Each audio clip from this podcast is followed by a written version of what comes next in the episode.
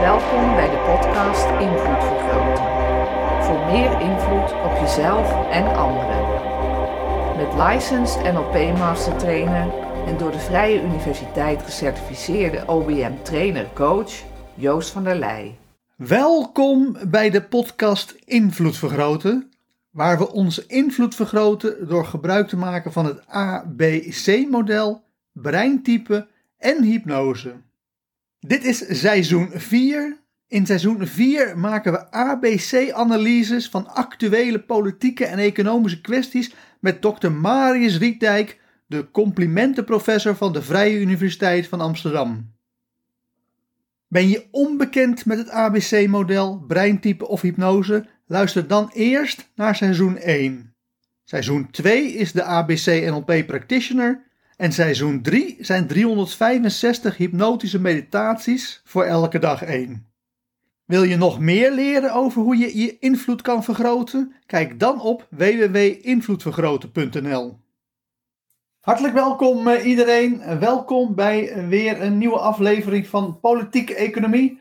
Het programma waarin we samen met Dr. Marius Rietdijk, de complimentenprofessor van de Vrije Universiteit, aan de slag gaan om een actueel thema eh, te analyseren met een Bayesiaanse ABC-analyse.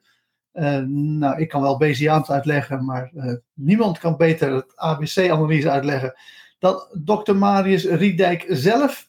Dus om die reden ga ik hem direct uh, in de uitzending halen. Hartelijk welkom, Marius. Hey, Joost, leuk om hier te zijn weer. Ja. ja. Het onderwerp voor vandaag is eindelijk het klimaat. Maar voordat we daaraan beginnen, eerst aan jou nog een vraag. Kun jij in het kort uitleggen wat een ABC-analyse inhoudt? Ja, ABC-analyse is een uh, belangrijkste analyse-tool van de gedragsanalyse. De gedragsanalyse is een uh, natuurwetenschap van gedrag, die in uh, steeds grotere mate de psychologie aan het vervangen is in de Verenigde Staten. En ja, ik pleit ervoor om dat ook in Nederland te doen. De ABC-analyse houdt in dat je gedrag op een hele effectieve manier leert begrijpen. Door alle prikkels te, in kaart te brengen van het gedrag, wat eraan vooraf gaat. Dat noemen we de antecedenten, de A in het ABC-model. De B is het gedrag, van behavior. En C zijn de prikkels die na het gedrag komen. Dat zijn de consequenties. Daar staat de C voor. Oké, nou hartstikke mooi. Uh, ja, ik heb een Bayesiaanse versie daarvan gemaakt, zodat we dat koppelen aan de waarschijnlijkheid dat uh, mensen zich op een bepaalde manier gaan gedragen. Uh, daar maken we altijd een onderscheid in bij gewenst gedrag en ongewenst gedrag. en, maar je moet altijd kijken vanuit, ja, geredeneerd vanuit wie. Het onderwerp vandaag is het redden van het klimaat, of heel betere specificatie, het afremmen van de opwarming van de aarde. Um, maar uh, ik, ik, heb soms het idee dat wij er anders over denken. Meestal denken we hetzelfde. Uh, want vind jij het afremmen van de opwarming van de aarde überhaupt gewenst gedrag? Um, ja, dat is inderdaad maar de vraag of dat zo is. Ik denk wel dat dat inderdaad gewenst gedrag is om het af te remmen. Omdat het toch wel een heel groot gedeelte onder water komt te staan. Waaronder Nederland misschien. Nou ja, dat valt wel weer mee. Hè? Dus de, er zijn allerlei dingen. Dus, maar mm. er wordt altijd dat is een andere is dat het zuurstof op zou raken. Um, maar dat, uh, dat, als de aarde opwarmt, dan worden de uh, oceanen worden steeds uh, onleefbaarder. Sterft plankton uit. Plankton is de nummer één wezentje wat zuurstof genereert. En dat is ook een realistisch risico. Alleen we hebben voor ongeveer duizend jaar zuurstof op de planeet. Dus stel als dat alle zuurstof maken, alle planten uit zouden sterven, dan hebben we nog wel andere problemen, daar niet van.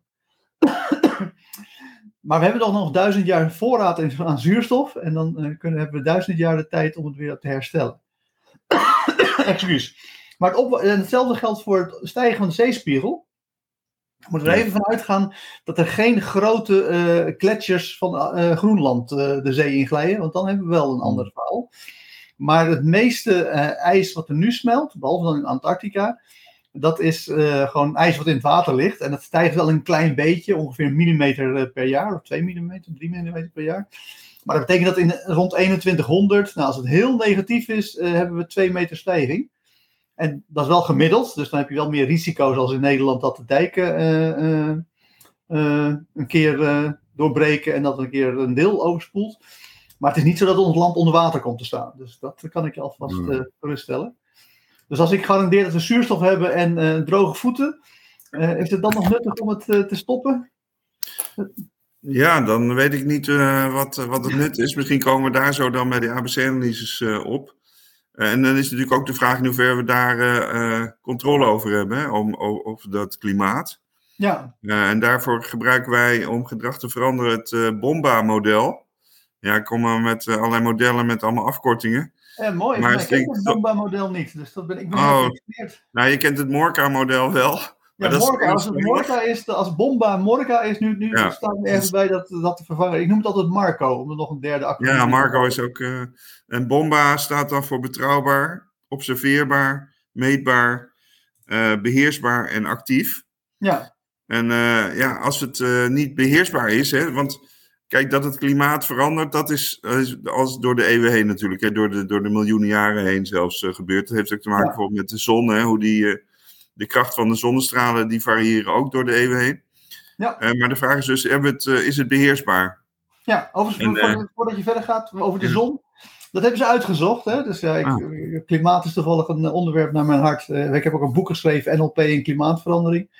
Eh, dat kan je terugvinden op klimaatnlp.nl. Ik zal dat eventjes eh, in de chat zetten voor die mensen die heel graag... Als, als mensen te veel klimaatstress hebben, dan is dat een boek om weer ontspannen om te gaan met het eh, eh, vernietigen van het klimaat. Maar de, eh, dus we hebben rekening gehouden inderdaad met die zonneactiviteit. Van, eh, hoe, wel- welk deel van de opwarmen is nou, ligt nou aan die zonneactiviteit. Feitelijk gezien neemt die zonneactiviteit neemt af. En dus als je alleen naar zonneactiviteit kijkt, dan zou het eh kouder, gemiddeld kouder moeten zijn geworden. Terwijl het ja, feitelijk gezien eh 1 à 1,5 graad eh, warmer wordt. Dus eh, de, de zon, en zeker in het verleden hebben we natuurlijk periodes gehad dat de, de- als je kijkt bijvoorbeeld naar het CO2-gehalte ongeveer hetzelfde was, of nog veel hoger zelfs. Maar dat was ook dezelfde periode dat er nog krokodillen op Antarctica rondliepen. Dus dat is, maar, dat is waarom mensen denken dat het heel erg een probleem is, het opstijgen van de, spiegel, van de zeespiegel. Omdat de vorige keer dat we deze omstandigheden hadden, was de zee, zee ongeveer 30 meter hoger. Oh. Maar het gaat honderden, zo niet duizenden jaren duren voordat die zee eh, zo ver gestegen is. Ja, tenzij Groenland smelt. Als Groenland, daar ligt eh, enorm hoeveel ijs. En als dat allemaal smelt, dan gaat het eh, vrij rap. Maar, maar dat, ja, dat- dus de omstandigheden van nu, als je die vergelijkt met het van miljoenen jaren geleden, dat is echt, dan was het echt een totaal andere wereld. En dat maakt de wetenschappers ook angstig dat we daar naartoe gaan. Maar daar gaan we wel heel langzaam naartoe. Ja, nou, leuk Joost om vanmiddag even ook die eh, aannames even goed eh, aan de orde te stellen. Ja. Eh, jij bent filosoof, dus dat, daar helpt jij ook altijd goed bij. Ja, dus het is, eh, Maar, ik ben ook een beetje sceptisch wat het klimaat betreft. Ook, ook de uitgaven die de overheid doet, eh, eh, ja, dat zijn toch wel krankzinnig hoge bedragen. En of dat nou veel impact heeft, daar heb ik nog een beetje eh, mijn twijfels Nee, over. maar dat is ook een terechte vraag. Hè? Dus jij zegt met het Bomba-model of eh, Marco of Morca, om het verwarrend te maken. En, en dan is die beheersbaarheid, heb je het onder controle? Is het iets wat je zelf in de hand hebt? Is natuurlijk heel belangrijk. Dat als ik tegen jou zeg, eh, Marius, nou, jouw eh, huiswerk voor de komende weken wordt en win de staatsloterij, dan is dat niet iets wat je onder controle hebt. Nee. En, eh, maar als je tegen je zegt, koop een staatslot, ja, dat is wel tot je vermogen. Dus dat laatste zien we als extern gedrag. En dat eerste zien we als, nou, als een mooie wens, maar geen gedrag. En als het dus blijkt dat wij inderdaad niet het klimaat kunnen beïnvloeden, dan, eh, dan is in ieder geval het klimaat beïnvloeden geen gedrag, althans geen externe gedrag. Dat was volgens mij het punt wat je wilde maken. Ja, dat klopt. En ik eh, begrijp ook dat het eh, sinds de industriële revolutie het, het, de temperatuur met anderhalve graad hooguit is gestegen. Ja. Ik vraag me dan af of dat dat misschien ook een meetfout zou kunnen zijn, of dat weet ik niet zeker. Ja, Maar dat is heel, Het is ook een kleine, ja, ik vind anderhalve graad vind ik, vind ik niet zoveel. En het Nee. kan dus ook een meetfout zijn, net als dat bij opiniepeilingen meetfouten gedaan worden. Ja, maar dat hebben ze echt heel goed nagerekend. Er is ook een heel interessant onderzoek over hoe eh, zeg maar alle klimaatmodellen de eh, ontwikkeling eh, voorspellen. En dan zie je dat ze de eerste klimaatmodellen uit de jaren 70 nog vrij primitief waren. maar het al echt al verdacht goed gedaan hebben. En dat tegenwoordig het, ja, het vrijwel langs die voorspelling gaat. En het En probleem zijn in die anderhalf, of in die eeuw, anderhalve eeuw, Joost, ook eh, die zonmetingen gedaan. En die blijken dan eh, dat de zonnekracht eh, niet is eh, gestegen. nou, zeker nog gedaald. Ja. Oké. En eh, sterker nog, en dit is, dit is een van mijn hoop, dat hebben we niet onder controle, maar ik ga vast even duimen in de hoop dat het zo wordt. Eh, we hebben ook om de 20.000 jaar een ijstijd. En de vorige ijstijd was 20.000 jaar geleden. Oh, ja. Hè, dus dat, En waar kwam dat dan door? Door die, eh, door die straling van de zon? hè, dus je ziet dat, eh, dus, eh, sterker nog, je ziet al dat volgens de wetenschappers, de ijstijdwetenschappers, de ijstijd al begonnen is, de volgende. Dat is ook de reden waarom die zonne-intensiteit aan het afnemen is. En dat is ook de reden waarom we mini-ijstijd hadden in de het, 17e eeuw, toen we al die prachtige, eh, nou ja, diep ingevroren Nederlandse plaatjes hadden. Ja. En het zou supergoed uitkomen als we nu een mini-ijstijd, want dat zou ons weer extra tijd geven, of een echte ijstijd zouden krijgen. Want, ja, dan hopen we dat het precies elkaar eh, annuleert. Ja, want eh, ook eh, die gedragsanalyse zegt dat we heel erg gefocust zijn op korte termijn eh, consequenties. Hè. Daar laten we, Ja. ons, laten we ons heel erg door leiden. En ik kan me ook nog herinneren dat eh, toen was jij misschien nog jonger, Joost. Of eh, nou, we zijn, je bent altijd jonger dan ik. Hopelijk heel lang nog. En eh, Ja. eh, dat Ik in de jaren zeventig van de vorige eeuw, dat toen eh, ook eh, dat er een aantal strenge winters waren. En toen had men het over dat er weer een ijstijd op komst was. Ja. En Maar dat Dus klopt het dus ook. Het is, Ja. het is niet, het is, kijk, het probleem hiermee is dat het en-en is. Dus de mensen die zeiden van ja, er komt een ijstijd aan. Dat klopt al. Het is al een paar Ja. honderd jaar is het weer, eh, zeg maar, weer bezig om weer ijstijd te worden. Dat het, alleen dat gaat heel langzaam. Snap je? Het is ook niet dat een ijstijd zo bam, oh vandaag is ijstijd. Nee, dat heeft ook in een proces van duizenden jaren. Voor, kijk, als het om de 20.000 jaar is en het is 1%, het is 1% te laat, ja, dat is meteen 200 jaar te laat. En is het ook eh, voorspelbaar wat de zonneactiviteit zal zijn? Of is dat totaal onvoorspelbaar? Nee, dat is, eh, voor mij is dat vrij moeilijk te voorspellen. Ze, ze hebben wel die zonnecyclus van 13 jaar. Die, eh, eh, dat, dat kunnen ze goed voorspellen. Maar die, eh, die ijstijd, los van de frequentie van één keer in de 20.000 jaar, ja. is die ijstijdvoorspellingen, eh, eh, ja, die kunnen niet nauwkeuriger dan dat. Ehm, maar eh, terugkerend naar die ABC-analyse. Ik vind het wel een heel interessant idee. Dat, eh, ja, we kunnen we het klimaat wel of niet beïnvloeden. Dat is in ieder geval geen gedrag. Dat ben ik met je eens. Eh, dus wat kunnen we dan wel? We kunnen wel voorkomen dat er CO2 in de lucht komt. Daar hebben we wel controle over. Ja, en, en dat is dus de aanname dat het niet goed is als er veel CO2 eh, eh, eh, eh, komt in de lucht.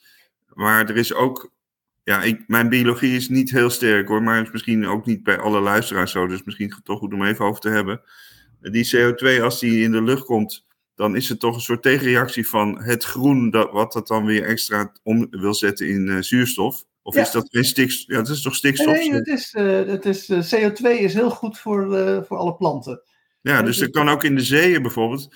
Maar daar hebben we het wel eens eerder over gehad. Toen zei je, ja, maar het is zoveel CO2 dat dat niet allemaal verwerkt meer kan worden. Nee, dus dat, dat, dat is het probleem. Er zijn een aantal problemen mee. Maar laten we beginnen met, met, met planten.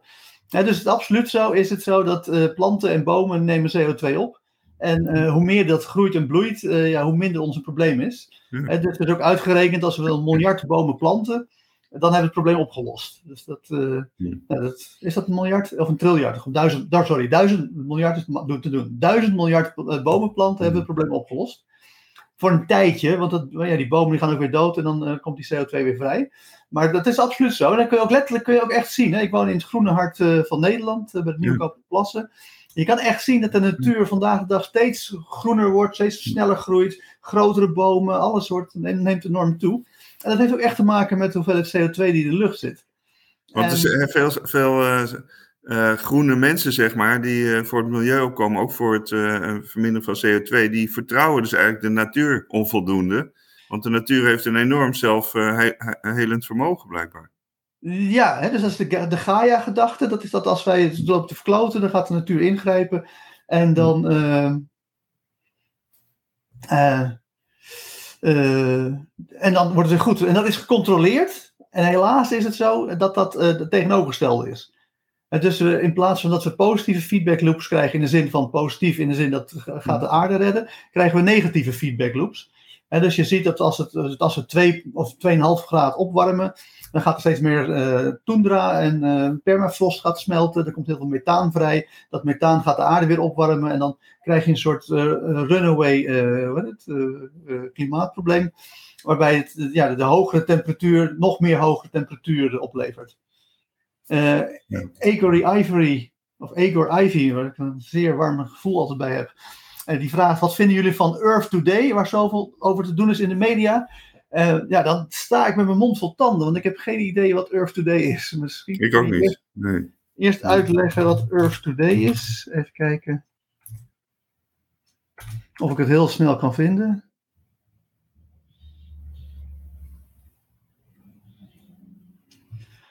Ja, het ziet eruit als het een, uh, een of ander uh, initiatief, is, initiatief is om heel snel meer groen bij te krijgen. Ja, nou ik denk dus dat de natuur zelf, zoals jij ook al constateert, dat, die constatering heb ik ook, dat, er, dat de natuur zelf al uh, zichzelf eigenlijk bijplant. Dus dan hoeft er niet zoveel door ons weer bijgeplant te worden. We willen altijd interveneren en, en de samenleving onder controle hebben, terwijl juist een beetje loslaten vaak uh, veel meer effect heeft. Ik noem even mijn neef Wouter Helmer, die ook in de biologie zit en die in de landschaparchitectuur zeg maar, zat. Eh, vanuit de biologie. En die eh, heeft toen een tiendaags Vipassana gedaan. Meditatie, zoals ik ook. En die heeft toen vervolgens alles losgelaten. Ja, nee, dus de, de, nou, het probleem is dat op het ogenblik als we willen bijplanten, is het veel beter om gewoon te stoppen met kappen. Dus de, we zijn nog steeds zo extreem veel bomen aan het kappen, ja. dat als we gewoon ophouden met kappen, dat het al enorm vooruitgang zou zijn. maar er zijn onder andere één probleem is dat bijvoorbeeld als je kijkt nu naar het regenwoud. Het, op het ogenblik is het regenwoud, uh, waar je zou zeggen, dat is, ja, dat zijn de, uh, er wordt gezegd dat het longen zijn, maar het is niet zo, want het is natuurlijk de plankton in de zee. Maar het is een belangrijke plek waar we heel veel groen laten groeien. Maar dat is nu een netto bijdrage aan het CO2-probleem. Dus op het ogenblik is het zo, door, door het opwarmen van het klimaat, dan op een gegeven moment houden bomen op CO2 op te nemen en dan gaan ze CO2 uitstoten. En dat zie je nu letterlijk gebeuren in het Amazonegebied. En datzelfde geldt ook voor de, het zee. Ja, als de zee heeft een probleem, als daar te veel CO2 in opgenomen wordt, wordt het zuurder. Als die zuurgraad van de oceanen omhoog gaat, dan sterft alles wat in de oceanen zit. En dan komt al die CO2 weer vrij. Dus ja, er zijn feedback loops, maar helaas voor ons zijn het geen feedback loops die ons gaan redden, maar feedback loops die uh, alleen maar het probleem groter maken. Dat is ook de reden waarom de westerse wereld zo extreem veel geld bereid is om te stoppen in de klimaatverandering. Ja. Te stoppen van klimaatverandering. En bijvoorbeeld de boeren te helpen om te, te verbossen eigenlijk ook. Ja, Want ik uh, was in, uh, in Spanje vorig jaar. Ik ga niet zo heel vaak op vakantie, maar was zo op Andalusië rondreis. En daar werd gezegd door de reisleider dat Spanje eigenlijk ook totaal een bos, één bos was. Wat een, een eekhoorn van noord naar zuid gewoon kon hoppen. Mm -hmm. En dat is allemaal natuurlijk ook door de door boerenbedrijf. Want we zijn van een jagersamenleving en een vissersamenleving naar een boerenbedrijfssamenleving gaan. Omdat dat veel efficiënter uh, was voor die boeren. En, dat is natuurlijk ook in Zuid-Amerika aan de gang met, met de ontbossing. Ja, en het kappen van bomen levert gewoon direct uh, materieel voordeel op, want die kan je verkopen. Precies. Ja. Nee, dus er zijn heel veel landen die nu wel heel, heel druk bezig zijn met het planten van bomen. Dus uh, nog lang niet genoeg. Uh, en het is ook niet heel duidelijk of, het, of, die, of dat onderzoek nou heel erg klopt van die duizend miljard bomen. Maar bomenplanten gaat wel redden en dat is ook uh, gewenst gedrag.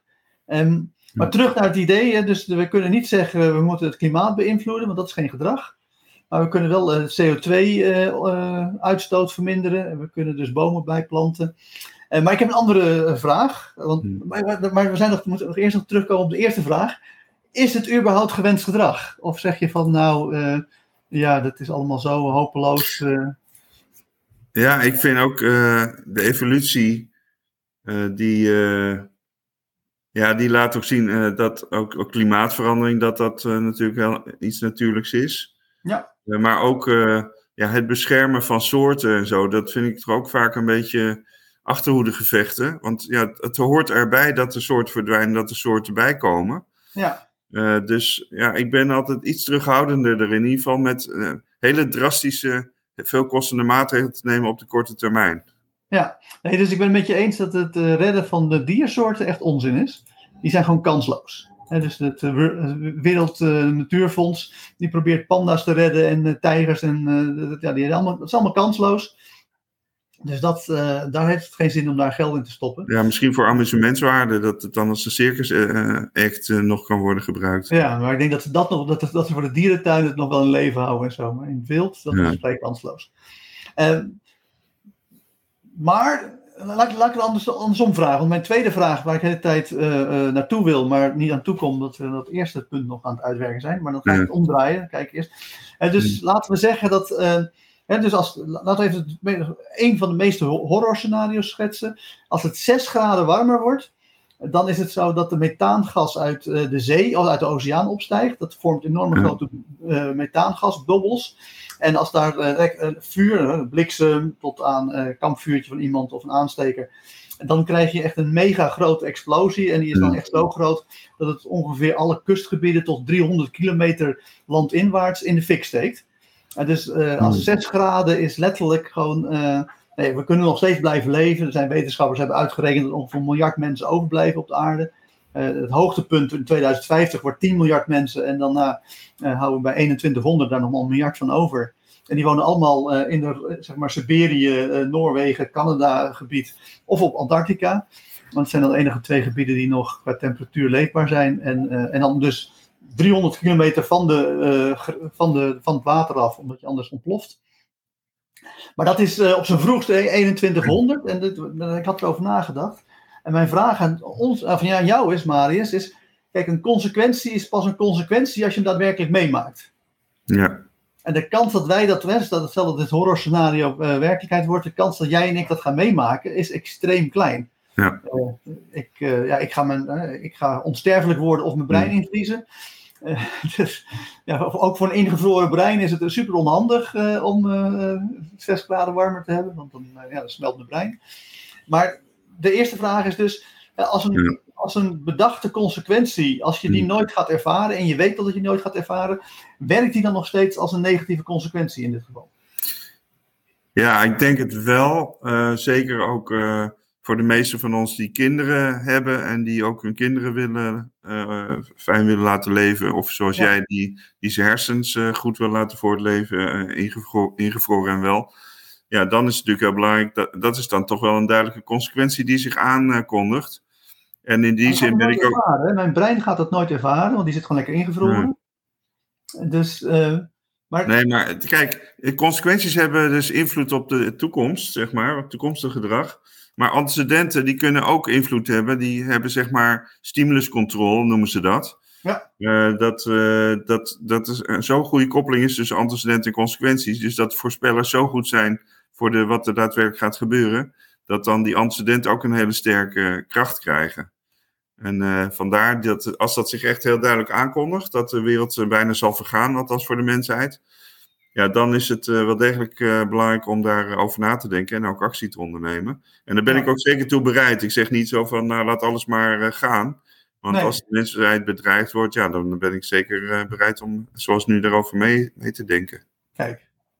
Dan eh, ga ik onze spreadsheet tevoorschijn toveren, want dan hebben we en eh, gewenst gedrag.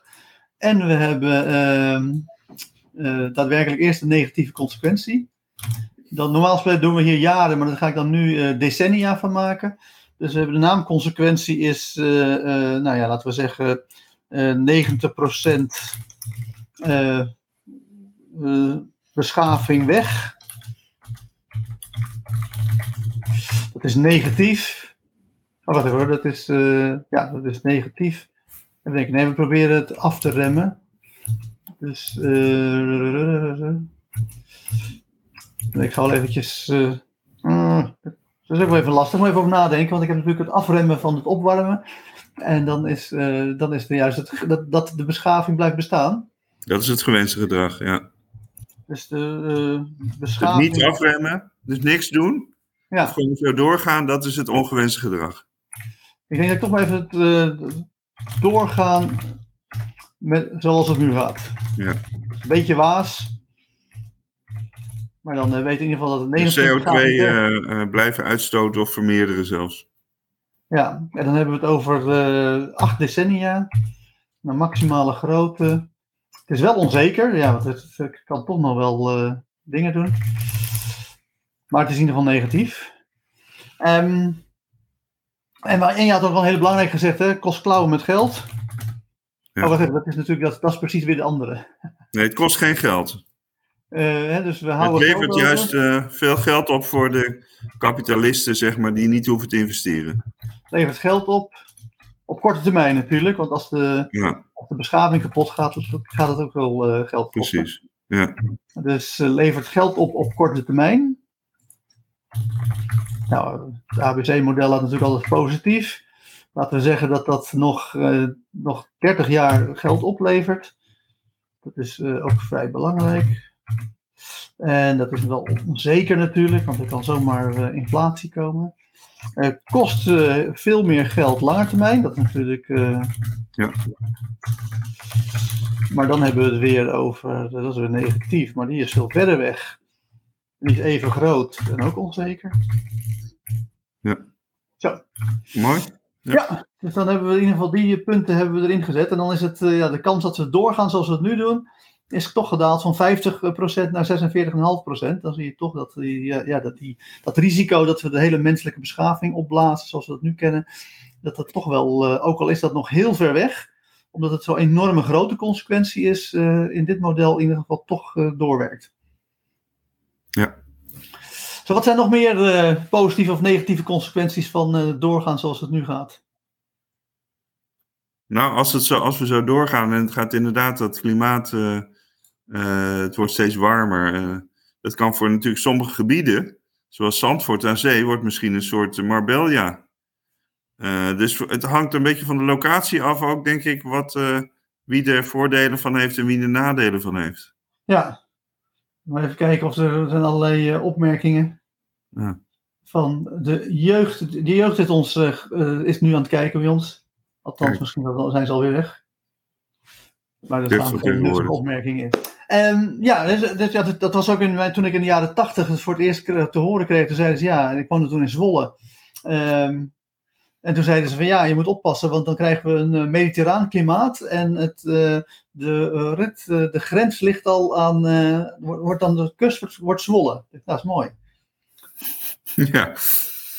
Ja, toen had je de Club van Rome, hè? ook niet onbelangrijk om even te noemen, denk ik. In de jaren zeventig was er een club die ook over klimaat en het eh, milieu eh, de alarmbel eh, ging rinkelen. Ja, Dat is allemaal een doemscenario. En dat moeten we toch ook denk ik rekening mee houden dat er altijd mensen zijn, ook economen, maar ook biologen, die allerlei doemscenario's voorspellen, die dan toch te pessimistisch altijd blijken te zijn.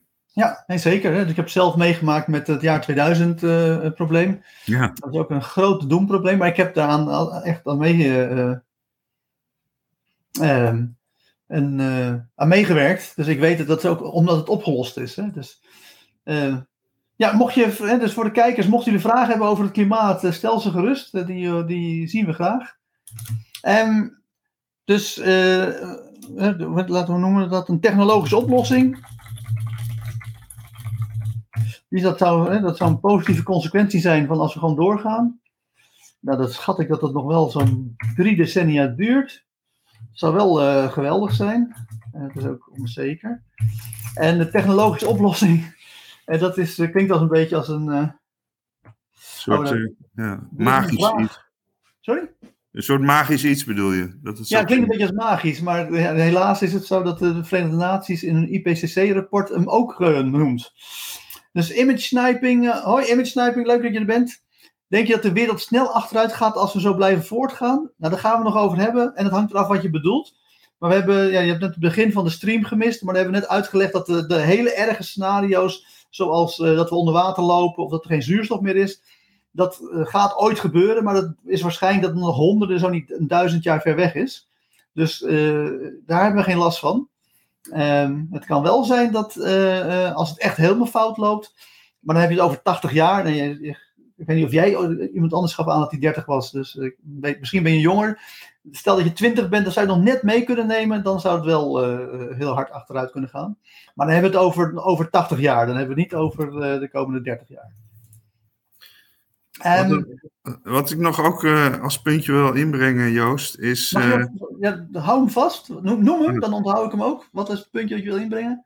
Nou, of, uh, want je zegt technologische verbetering en dat is soms magisch, maar ik kan me herinneren in de jaren, jaren 80 dat uh, de auto-industrie uh, flink transformeerde ook naar zuiniger en groener. En dat was niet zozeer, hoewel, dan moet ik toch even. Bijvoorbeeld in Japan is dat heel sterk. Hè? De auto-industrie is daar, heeft daar een enorme revolutie doorgemaakt. Maar dat was mede ook omdat de staat heel strenge regels ging hanteren. Ja. En dat is dus even de vraag: moet de staat dit allemaal doen? Of kan het particulier initiatief dit eigenlijk ook wel regelen als mensen gewoon meer behoefte hebben aan klimaatvriendelijke producten en diensten?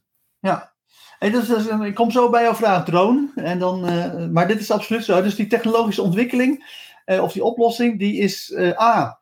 Is het zo dat de klimaatfanatici van de Verenigde Naties, hè, die het IPCC-rapporten schrijven, in het IPCC-rapport is het scenario wat ze dan zeg maar het meest realistisch vinden, dat wil zeggen het meest makkelijk politiek te verkopen, de minste opwarming. Daar zit een magische uh, technologische oplossing in, want vanaf 2050 is het volgens dat model zo dat we minder CO2 uitstoten en zelfs CO2 uit de lucht halen. Nou, dat is A, heel irreëel, want het is uh, onzin om te denken dat we niks meer uitstoten over 30 jaar.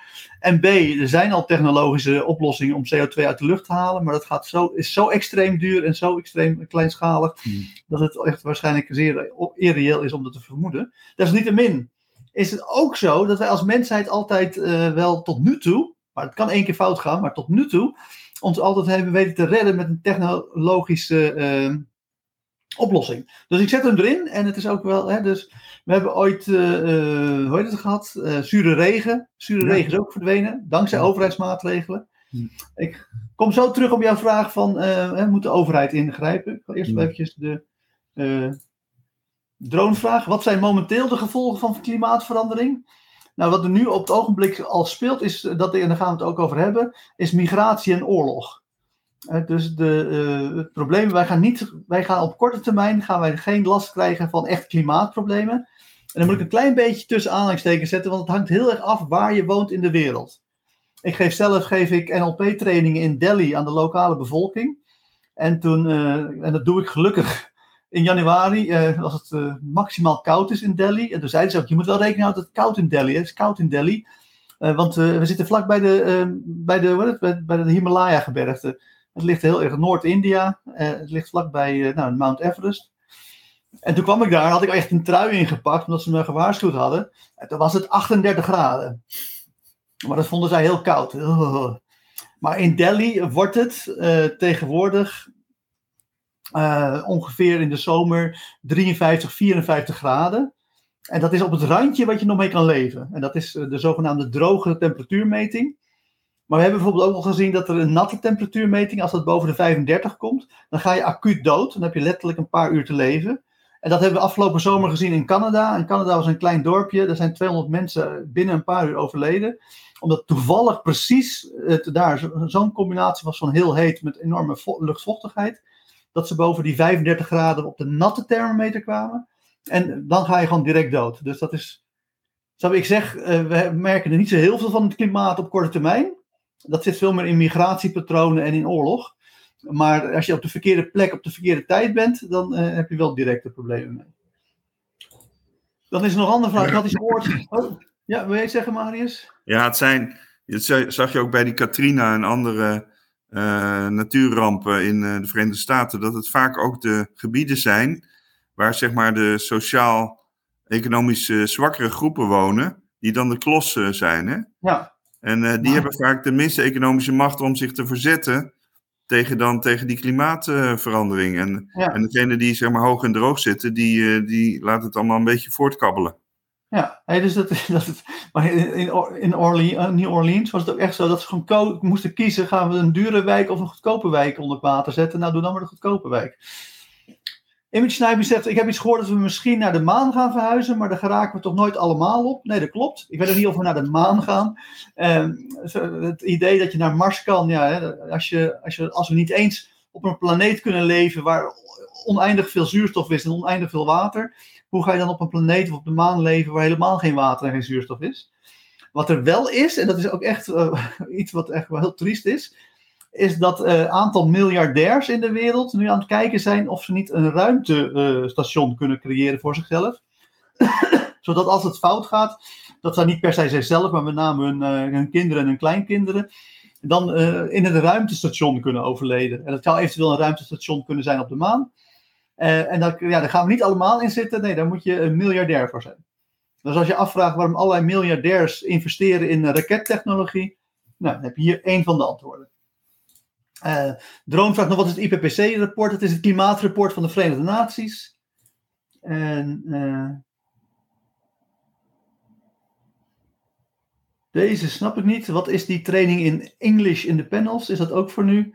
Uh, ja, denk ik wel. Maar... En dan nog, is het beter om zonnepanelen te leggen of meer windmolens? Ik denk zonnepanelen, die lijken beter te werken dan windmolens. Maar ook daar zijn allerlei problemen mee. We gaan terug naar de vraag, eh, namelijk, moet de overheid hier hard optreden of moeten we het particulier initiatief uh, hier een kans geven? Heb jij daar een mening over, Marius? Ja, ik ben zelf uh, liberaal, zoals jullie misschien weten. Ik vind dat de staat vaak toch te veel zich bemoeit met zaken die ook, als je het wat loslaat, de staat, die ook belang heeft om zichzelf uit te breiden, als je de staat juist wat kleiner maakt. En dat je ook meer democratie krijgt als je mensen meer vrijheid geeft om hun eigen geld te besteden en de beslissingen te doen. Uh, dat is dus een. Uh, ik ben natuurlijk niet voor een uh, complete anarchie, maar wel voor meer loslaten. Dus ik denk dat als mensen zelf ervaren, de wisdom of the crowd, dat er klimaatverandering plaatsvindt, dan zullen ze ook toch andere producten en diensten willen van de particuliere sector. Dus wat is de rol ja. van de staat dan? Die hoeft voor mij niet zo groot te zijn. Nee, hè, dus ik zie nu ook het interessante, maar dat is toch weer een rol van de staat erbij. Het interessante is, is dat vanwege de oorlog in de Oekraïne willen we van het Russisch gas en Russisch olie af. En uh, dat kan. Maar dan moeten we een extreem uh, onze klimaatdingen, dus windmolens en zonnepanelen, extreem versnellen. Kerncentrales erbij bouwen. hoewel die nog een hele tijd duren. In ieder geval Duitsland moet stoppen met het afbouwen van de kernenergie. Ja. En, en het lijkt erop dat de Europese Unie die kant ook wel opbeweegt. Ja, dat, het lijkt eraan dat er een soort gefaseerde uitfasering komt van um, uh, Russisch gas en olie. En um, de, ja. uh, uh, hoe zeg je dat? En het lijkt er ook op dat ze nu heel erg iets hebben van, joh, Poetin, ga jij maar ons gas en olie afsluiten. Dan hebben wij tenminste een excuus, kunnen we zeggen, ja, hij doet het. En dan zeggen, ja, wij konden er niks aan doen maar dan zie je toch dat, uh, ja, dat is wel weer ingrijpen van de staat natuurlijk. Maar dat het op een hele andere reden opeens gebeurt dan dat je zou verwachten. Het is niet, uh... Ja, want vroeger was de milieubeweging toch wel behoorlijk tegen kerncentrales. En dan zie je dat dat toch ook door, ja, door contingencies of reinforcement, door grote ja, belangen en, en reinforcers verandert. Frankrijk heeft natuurlijk al heel veel kerncentrales waarop ze grotendeels hun energie baseren. Ja. Ik ben er zelf ook in principe niet zo op tegen. Het is toch een. Ja. Uh, ja, als je dat inderdaad dan naar die planeten schiet waar we dan niet op kunnen wonen, die, dat afval, dan uh, heb je toch een, uh, een, oplossing. Ja, nee, en ik denk ook, kijk, je moet ook denken, ik denk altijd het is heel handig om een prioriteit van problemen te hebben. En dus het klimaatprobleem heeft echt, kijk, het zal niet de mensheid uitroeien, de mensheid blijft wel bestaan, maar het kan wel dat de mensheid gedecimeerd wordt en dat er een teruggaan naar een naar een middeleeuwen situatie waarbij we echt super. Uh, uh, ja. Nou ja, de economie stort natuurlijk helemaal in, technologische ontwikkeling stort in, de wat is het, gezondheidszorg stort in. Dus je kan echt een teruggang naar de middeleeuwen hebben. Dat hebben we al gezien. Hè? Als je kijkt naar de Romeinse tijd, dan is dat een veel hogere kwaliteit van leven geweest dan dat we in de middeleeuwen hadden. Als je alleen al kijkt naar Spanje, Spanje begon al 500 na Christus met 23 miljoen uh, inwoners, uh, eh, 1500 jaar, of in 1500 na Christus, duizend jaar later, staat ze op 16 miljoen inwoners. Die hebben gewoon het voor elkaar gekregen om uh, duizend jaar lang te krimpen. Dus dat kan allemaal gebeuren, maar dat, dat probleem heb je wel met het klimaatramp, maar dat ga je niet met kerncentrales krijgen. Als we, als we de hele planeet vol zetten met kerncentrales en er gaan van alles dingen mis, hebben we enorm veel problemen, allemaal heel veel ellende, maar het gaat geen tweede middeleeuwen opleveren. Oké. Ja, en uh, Anders moet ik bijzetten, ik heb allerlei aandelen uranium gekocht, dus uh, ik ben misschien bevooroordeeld. Ja, ja, dat is een disclaimer. Ja. Uh, een antecedent voor het zo doorgaan, zo doorgaan als we doen, dus niet ingrijpen of minder ingrijpen. We doen het volgens mij wel inderdaad, was ook een vraag. We zijn wel degelijk bezig met die windmolens enzovoort, hè? dus dat is toch ja. wel een Alleen die, een antecedent voor het zo doorgaan is denk ik een economische crisis. Als nu de economie eh, door de hoge inflatie, als er een economische crisis komt, ja. dan denk ik dat mensen minder prioriteit gaan geven aan, het, aan die Parijs-akkoorden. ja. En blijven ze zo doorgaan. En ik denk dat hetzelfde geldt voor oorlog. Hè? Dat zag je ook nu nog met de Oekraïne-oorlog. Er was nog wel een vraag. We hebben al de Oekraïne-oorlog al twee keer eerder besproken. Maar toch even kort over de, over de Oekraïne-oorlog.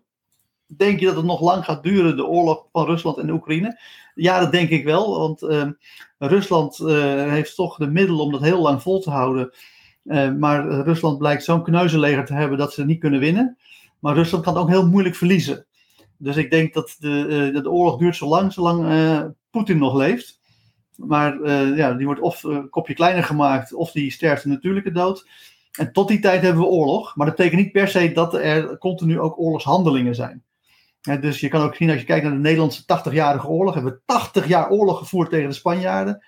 Maar dat was, dat was gelukkig natuurlijk wel een hele andere tijd met veel minder technologie, waardoor het ook oorlog voeren een stuk moeilijker was. Maar in die 80 jaar hebben we niet continu elke dag veldslagen geweest. dus je gaat zien dat dit wel gaat, uh, op een gegeven moment raakt dit wel bevroren de Oekraïne kan dan niet Rusland verslaan, en de omdat Rusland dat niet kan accepteren en er maar manschappen blijft ingooien. En Rusland kan de Oekraïne niet verslaan. En dan is het gewoon puur de vraag hoe lang duurt het voordat uh, Poetin uh, intern wordt afgerekend. Maar je ziet wel, denk ik, ik ben het met je eens, eh, Joost, dat het ja. nog heel lang kan duren. Maar dat er toch wel heel veel verandert, hè? ook in de publieke opinie naar Rusland toe. En ja, dat, dat de NAVO zich aan het verenigen is, de, de EU er ontstaat wel van allerlei uh, uh, bewegingen, maar het kost ook allemaal heel veel geld. En we hebben die corona al achter de rug. Dus een economische crisis is ook wel een scenario waar we rekening mee moeten houden. Ja, economische crisis gaat, gaat maar het is ook een. Jij zet het antecedent, maar het is natuurlijk. Maar die hadden we al in de vorm van 90% beschaving weg. Het is natuurlijk ook echt wel een economische. als we doorgaan als we nu gaan, krijgen we ook economische crisis die volgt op de klimaatrampen. Um, ja, maar dat, daar kunnen we wel heel uh, op, uh, lang op voorbereiden. En de, de, economische groei, dat is natuurlijk ook een uh, proces wat toch wel autonoom bijna steeds doorgaat. Hè, met 3 of, of zelfs 5 procent per jaar wereldwijd. Ja. En daar hopen al die centrale bankiers op dat dat het, de economische crisis kan tegenhouden, die economische ja. groei. Maar, dat niet, maar niet op korte termijn. Ik denk dat ze nu eerst bezig ja. zijn de economische crisis te organiseren om te zorgen dat de inflatie naar beneden gaat. Ja, in ieder geval zijn ze bezig om uh, niet in te grijpen. Zodat uh, ze hopen dat. Uh, want als ze de rente nu zouden laten stijgen, zouden de, zou een aantal landen failliet kunnen gaan in Zuid-Europa. Ja. En dat, dat willen ze ten koste van alles vermijden. Zeker die Zuid-Europese bankleiders. Ja, dus, dus interessant is het dus dat nu een oorlog ontstaat. Dat we inderdaad op korte termijn de prioriteiten omgooien. Nou, nu gaan we eerst de oorlog bestrijden. En gaan we ons soort. Eh, bijvoorbeeld Gronings, Gronings gas, dat zouden we niet meer doen. Maar ja, nu het oorlog is, doen we het toch. Ja. Um, maar dat, ja, dat als een soort uh, bijvangst, ze nu ook heel erg zoiets hebben van, ja, we gaan dat grote Rusland, ja, dat is een beetje vreemd als we 250 miljard euro per jaar naar Rusland sturen en tegelijkertijd proberen om de Oekraïne uh, uh, te financieren om dat, de wapens die daarvan gekocht worden te bestrijden. Dus ja, ik denk ook dat dat dingen, ja. dat dat ja, heel onvoorspelbaar is. Ik had het al genoemd, migratie. Uh, laten we beginnen met migratie. Hè. Dat is een uh, negatieve consequentie van. Uh, ja, en de bevolkingsgroei. Hè? De, de bevolking blijft maar, in ieder geval, je had het al over 10 miljard in 2050. Ja, ja dat en komt ook door migratie, neemt de bevolking ook toe. En mensen trekken naar economisch betere gebieden. Ja, en vluchten van. ook naar gebieden waar je gewoon kan leven. Hè? Dus kijk, als zodra er in Delhi. Ja, ja. Of Delhi Kijk, bijvoorbeeld in Delhi is het probleem dat op het hoogtepunt van die 54, 55 graden temperatuur in de zomer, toen was hun elektriciteitsnetwerk, of althans van heel India, was maximaal belast. En, en, maar die pieken die worden nu continu gehaald al in maart van dit jaar. Dus zij houden hun hart vast. En op het moment dat, ja, als het 56 graden wordt, dan gaan mensen ook gewoon van sterven. Als dan je airco ermee ophoudt, dan, ja, dan wat, wat, ga je doen? Ga je dan blijven wachten tot je doodgaat? Of denk je van, nou, ik ga gewoon verhuizen? dus ja, de klimaatrampen, ook al is het maar een hele kleine periode in het jaar dat het gewoon onleefbaar wordt. Ja, zodra het onleefbaar wordt, gaan mensen weg. Ja, en wat ook een interessant aspect is, denk ik, Joost, we hebben het ook wel eens over gehad over beleggen. Hè? We gaan ook ja. weer een uh, workshop geven binnenkort. Ja. Maar eh, kijk, never waste a good crisis. Hè? Zo kijken eh, de Rothschilds en andere grote beleggers. En ik, ik ben geen groot belegger, maar ik kijk ook wel een beetje op die manier naar. Van waar liggen dan de kansen? Hoe kunnen we dan die rampen benutten om er zelf rijker van te worden? Het is heel amoreel. Maar je hebt vaak dus dingen niet in de hand. Wat heb je dan wel in de hand? Nou, wat je dus ziet is, en daar zijn mensen ook heel erg eh, eh, op tegen. Maar dat bijvoorbeeld bedrijven als Coca-Cola en Nestlé, die zijn allemaal de watervoorziening aan het bekijken. Van waar kunnen wij goedkoop water krijgen? Want er komt gewoon een waterramp aan. Dat mensen niet meer zelf. Je ziet het geloof ik in Chicago of zo ergens, of ergens anders. Is er nu al Ja, ook een Frans bedrijf, Suez, die heeft ook zich helemaal ingekocht in allerlei eh, watervoorzieningen in de derde wereld. Ja. Dus dat zijn dan weer consequenties die positief zijn voor, ja, voor amorele beleggers, zou je kunnen zeggen. Ja, Eh, dus en dat zijn dus ook verschillende groepen. Er zit dus veel diversiteit in. Qua eh, regio's die, be- eh, die, eh, die voordeel, zeker nadeel hebben van klimaatverandering. En ook beleggers. ja. Maar dat hebben we al als zijn, op korte termijn levert het meer geld op. En, Voor beleggers inderdaad. Ja. maar mijn idee met migratie, daar wil ik nog even terug op komen, is dat, de rechtse mensen, die zijn heel erg tegen migratie. Ja. Maar ook tegen het, op, pro- pro- het klimaat te, te bestrijden. En ik denk, ja, links is heel erg voor migratie en voor het eh, klimaat. Hm. Maar ze denken er niet goed over na. Ik denk, je moet het uit, uitruilen. Hè? Dus het probleem wordt, eh, maar opnieuw geldt, dat is heel ver weg. Maar eh, dat, dat als het 2100 is en het is 3 tot 6 graden opgewarmd, dan komt gewoon heel Afrika naar Europa toe. Ja. China gaat naar Rusland toe, daar krijg je een oorlog van. Mexi of Amerika gaat naar, naar Canada toe, dat is een hele korte oorlog, want de Canadezen hebben niet zoveel. Maar wij krijgen, eh, net als wij Europa, ah, binnen Europa krijgen we de Zuid-Europese, ah, Zuid-Europeanen die naar Noord-Europa gaan trekken. Dat kan al heel erg eh, veel spanningen opleveren. Eh, nu zijn we er vrij enthousiast over, want dan kunnen ze voor ons werken. Maar als het en masse gaat gebeuren, dan is het een probleem. Maar we- ja, er gaan ook, laten we zeggen, een miljard Afrikanen komen. En dat, gaat, ja, dat gaan we niet accepteren. En dan ben ik bang dat dus het ook het einde van de democratie is omdat er geen enkele democratie eh, het voor elkaar kan krijgen om een miljard eh, Afrikanen eh, ja, of dood te laten gaan in Afrika, of te laten verdrinken in de Middellandse Zee, of op een andere manier tegen te houden.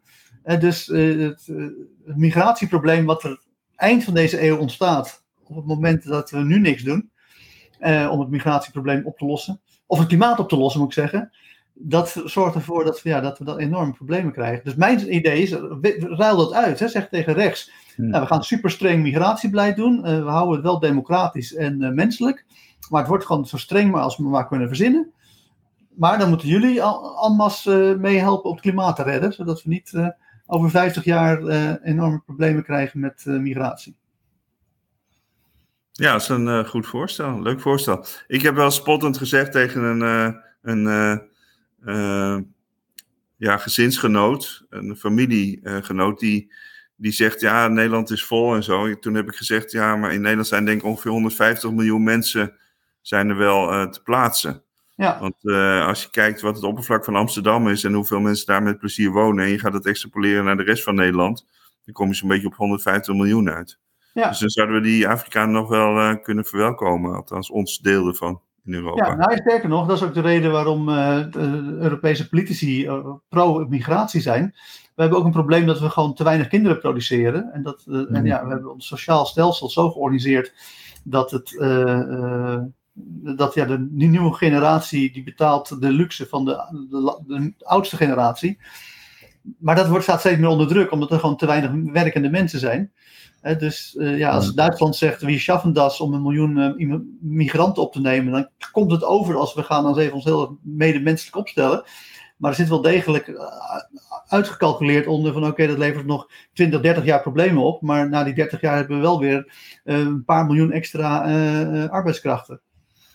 Ja, maar wat die rechtse partijen zeggen, zeker die een beetje nationaal-socialistische partij, ik zal het niet bij name noemen, die zijn natuurlijk zo op, ja, op zuiverheid van ras bijna. Ja, Dat ze zeggen van ja, daar, eh, de, de Nederlanders die eh, krijgen geen kinderen meer omdat ze niet meer eh, dat kunnen betalen, omdat al die buitenlanders naar binnen komen. ja. Dus dat, maar dat is, dat, dat lijkt mij als drogreden. Nou ja, dat, dat is, kijk, in tijden van e economische crisis krijg je van die ultra-rechtse en linkse partijen aan de, ook soms aan de macht. Hè? Dus daar moet je toch ook uh, weer in het scenario rekening mee houden. Nou ja, dat, dat, soort hele basale biologische uh, behoeften van genetica, van je eigen volk eerst, dat die dan weer, die sentimenten weer een rol gaan spelen. Dus ik zeg even einde democratie als een negatieve consequentie van doorgaan dat duurt nog wel, uh, laten we zeggen, 40 jaar. Dat heeft niet hele grote consequentie, denk ik. Dat is onzeker. Nou ja, als je crisis in Europa krijgt, dan vind ik toch dat dat uh, wel binnen 10 jaar al kan gebeuren. Denk je dat, zo snel? Ja, als, als... natuurlijk in Frankrijk kan Le Pen aan de macht komen uh, over twee weken. Maar ja. krijgen, krijgen, krijgen ze dan al voor? Kijk, hebben ze Trump gehad. Trump heeft ook geprobeerd om een dictator te worden. Ja het is best heel erg lastig, zelfs als je aan de macht bent, om het systeem zo te veranderen dat je. En hij kwam in de buurt en hij gaat in 2024 voor de poging 2. Uh, eh, maar ik denk, uh, misschien iets langere termijn, is dat als je daadwerkelijk zoveel mensen uit Afrika wil tegenhouden, ja, dan kan het niet anders dan dat het met heel grof geweld gaat. En dat kan een democratische staat zal dat nooit uh, kunnen rechtvaardigen intern. Dus ik denk echt dat een soort verenigd Europa dan ook wel uiteindelijk in een soort fascistisch systeem eindigt. Gewoon puur om het, uh, ja, om het, het gewenste, wat, nogmaals niet vanuit mij gewenst, maar gewenst vanuit de mensen die over 50 jaar leven, dat gewenste gedrag uh, af te kunnen dwingen. En dat geldt hetzelfde voor Amerika. Hè, dat, eh, Amerika denk ik wel dat, het, dat de kans groot is dat het eerder in 10 jaar plaatsvindt. Is dat nog een punt, dat de einde democratie VS, dat we dat even splitsen? Ja, ik denk dat die fascisten vooral ook komen in tijden van economische crisis. Ja. En je ziet nou bijvoorbeeld de dollar ook uh, behoorlijk stijgt ten opzichte van de euro. Ja. Omdat ik denk dat, uh, dat het economisch beleid eh, in de eurozone veel, veel zwakker is en, dan in Amerika. Dus ik denk dat de kans dat in Amerika echt een fascist opstaat kleiner is dan in Europa. Oké, nou ik denk als je kijkt, ik denk niet fascisten, niet fascisten, niet Europees fascisme, maar echt christelijk rechtsfascisme. Hè? Dus de, uh, je kan nu zien dat ze nu zo, extreem, zo extreem bezig zijn met, uh, met het christendom. Ja. En ook echt ook wel, uh, Amerika stond natuurlijk onbekend dat, dat er vrijheid van religie was en zo. Je ziet echt dat minstens een derde van het land nu gewoon, gewoon wil stoppen met vrijheid van religie. Ja, dat en, is. En dus, dus ik zie, ja, VS is een soort christelijke Iran. Dus, ja. ja. ruzie met Iran, maar ze doen in principe vrij hetzelfde.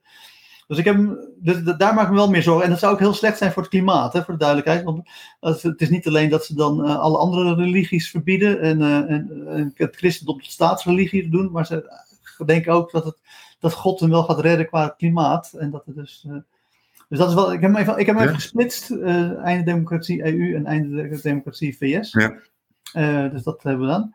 En de oorlog is natuurlijk ook. als grote groepen mensen zich gaan bewegen dan neemt ook de kans op oorlog toe. Burgeroorlogen ook. Burgeroorlogen, we gaan nu natuurlijk ook wel zien dat uh, door, de, door deze oorlog er weer hongersnoden komen. Het levert ook weer oorlog op.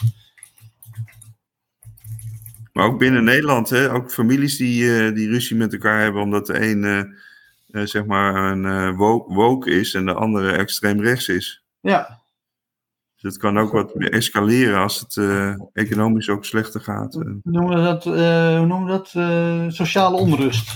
Ja. Dat is ook negatief. Dat gaat wel vrij snel, maar dat is niet zo groot. Ook onzeker. Ondertussen daalt de, de kans dat we zo doorgaan als we nu doen naar 22,5 procent. dus dat wordt wel heel begrijpelijk waarom politici toch wel bereid zijn om enorme pakken geld uit te geven om dit allemaal tegen te houden. Dus dat, je begon met van ja, we geven veel te veel geld uit op korte termijn. En kijk, je kan wel afvragen, gaan we dat geld slim besteden? Hè? Dus als we dat allemaal eh, weggooien, over de balk gooien, dan hebben we er niet zoveel aan. Dan zou dit, eh, kijk, in Amerika verwacht ik nou niet zoveel migratie. Dus dat is toch uh, ook vooral een uh, EU-probleem. Ja, nou, ik moet je ik wel erg vanuit de EU redeneer.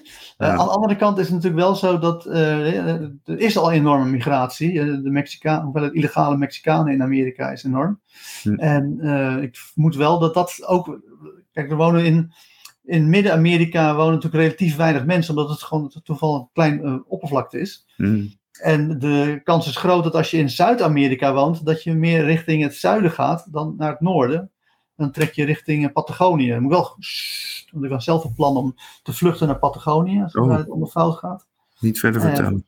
Dus ik zeg tegen iedereen, je moet rond Siberië, Canada, Noorwegen zitten, rond die kust, eh, of op Antarctica. Ik heb het nooit over Patagonië, want ik, ga ik lekker in mijn eentje zelf zitten. Ik zou denk ik naar Zwitserland gaan. Ik vind dat die het zo geweldig eh, economisch ook doen. Ja, Die zitten nu eh, allerlei eh Zwitser frank erbij te drukken. Kopen ze gewoon Amerikaanse aandelen van. Ja, Onvoorstelbaar rijk hoe die gasten zijn. het En is het nummer slim. één, eh, nummer één hedgefund ter wereld, de Zwitserse Centrale Bank. Eh, Ja, ja.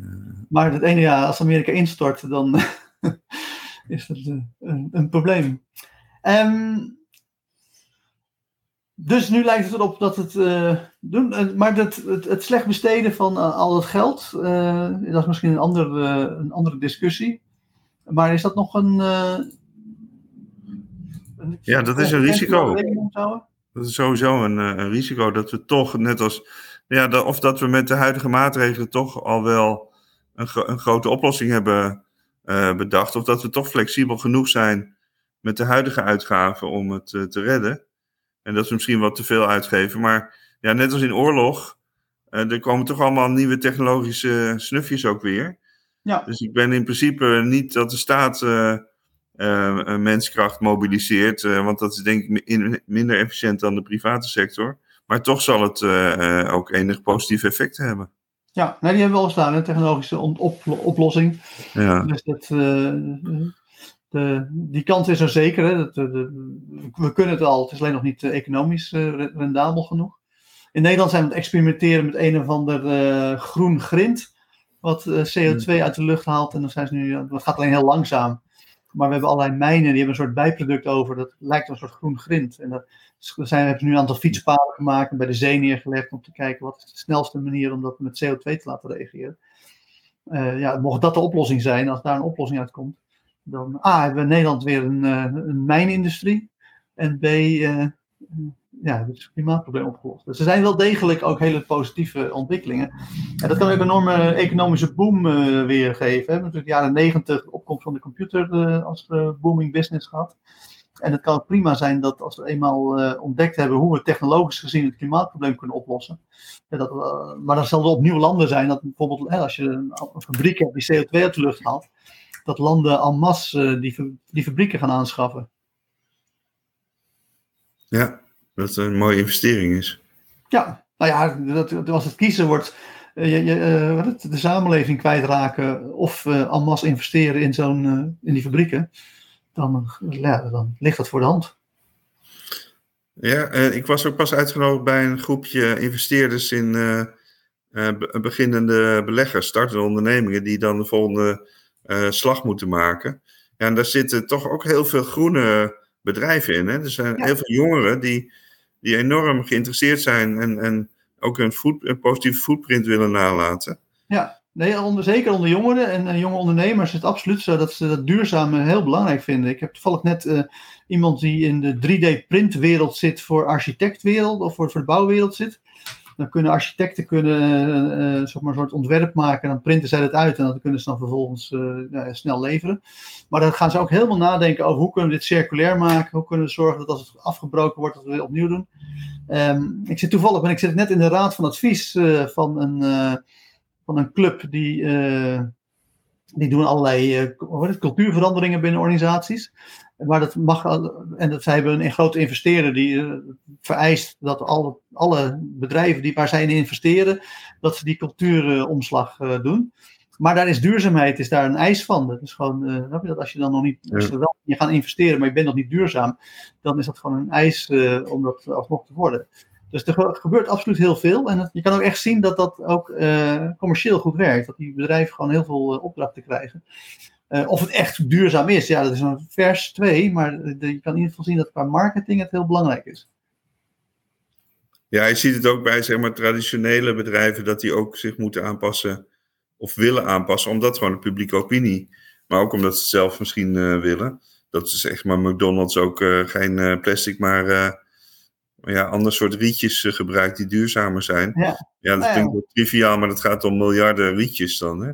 Ja, nou ja, dat, en, en, van- meteen voor mijn werk, wij hebben op het ogenblik vanwege de coronamaatregelen, hebben we allemaal van die weggooibekertjes eh, voor mensen eh, om eh, koffie, water, thee te drinken tijdens de trainingen. En die worden vanaf 2024 verboden. Dus dan, ja, dan is het toch, toch iets. Dus, maar het is in ieder geval heel begrijpelijk. Hè? Dat is ook alweer, het uur is alweer voorbij. Time flies when we're having fun.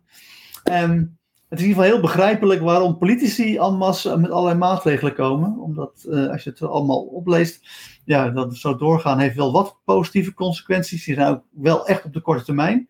Eh, maar ondanks dat die andere negatieve consequenties nog heel ver weg liggen, zijn het toch wel heel veel en eh, ook best wel heftige. En dan zie je toch dat uiteindelijk de waarschijnlijkheid doorslaat naar stoppen met doorgaan zoals we dat nu doen. En in plaats daarvan het opwarmen van de aarde af te remmen. Nog een laatste woord aan jou, Marius. Nee, mooi om weer zo'n overzicht eh, te hebben. Ja, Ik sprak gisteren ook eh, een ander familielid, een nicht, eh, een broer van Wouter, Helmer, die, ja, die ook in de milieubeweging zit. En die wilde ook met mij een ABC-analyse maken. Nou. Dus deze, ga ik, deze vlog ga ik ook doorsturen aan haar. ja precies. En ja, helaas eh, is dat wel dat we ons eh, vaste onderwerp waar we elke keer eh, vooruit schopten. En dan konden we aankondigen waar het volgende week over gaat. Die hebben we niet meer, want die hebben we vandaag gebruikt. Dus ja, volgende week wordt een verrassing waar we het over gaan hebben. Ik hoop dat er flink de pleuris uitbreekt in de wereld. Want anders hebben we geen on- gespreksonderwerp. Maar we Misschien gaan, bijvoorbeeld groen beleggen versus amoreel beleggen. Wat wij ook in ons. eh, we hebben een, over een paar weekenden hebben we dat seminar. 23 en 24 april. Er is- zijn nog een paar plekken over. Dus mochten mensen zich willen aanmelden, kijk op speculare.nl. Maar het gaat zeker door, hè? Er zijn genoeg Ja, deelnemers. het gaat zeker door. Er zijn meer dan genoeg deelnemers. Zelfs eh, meer dan gedacht. Het eh, wordt nog druk. Ja, leuk.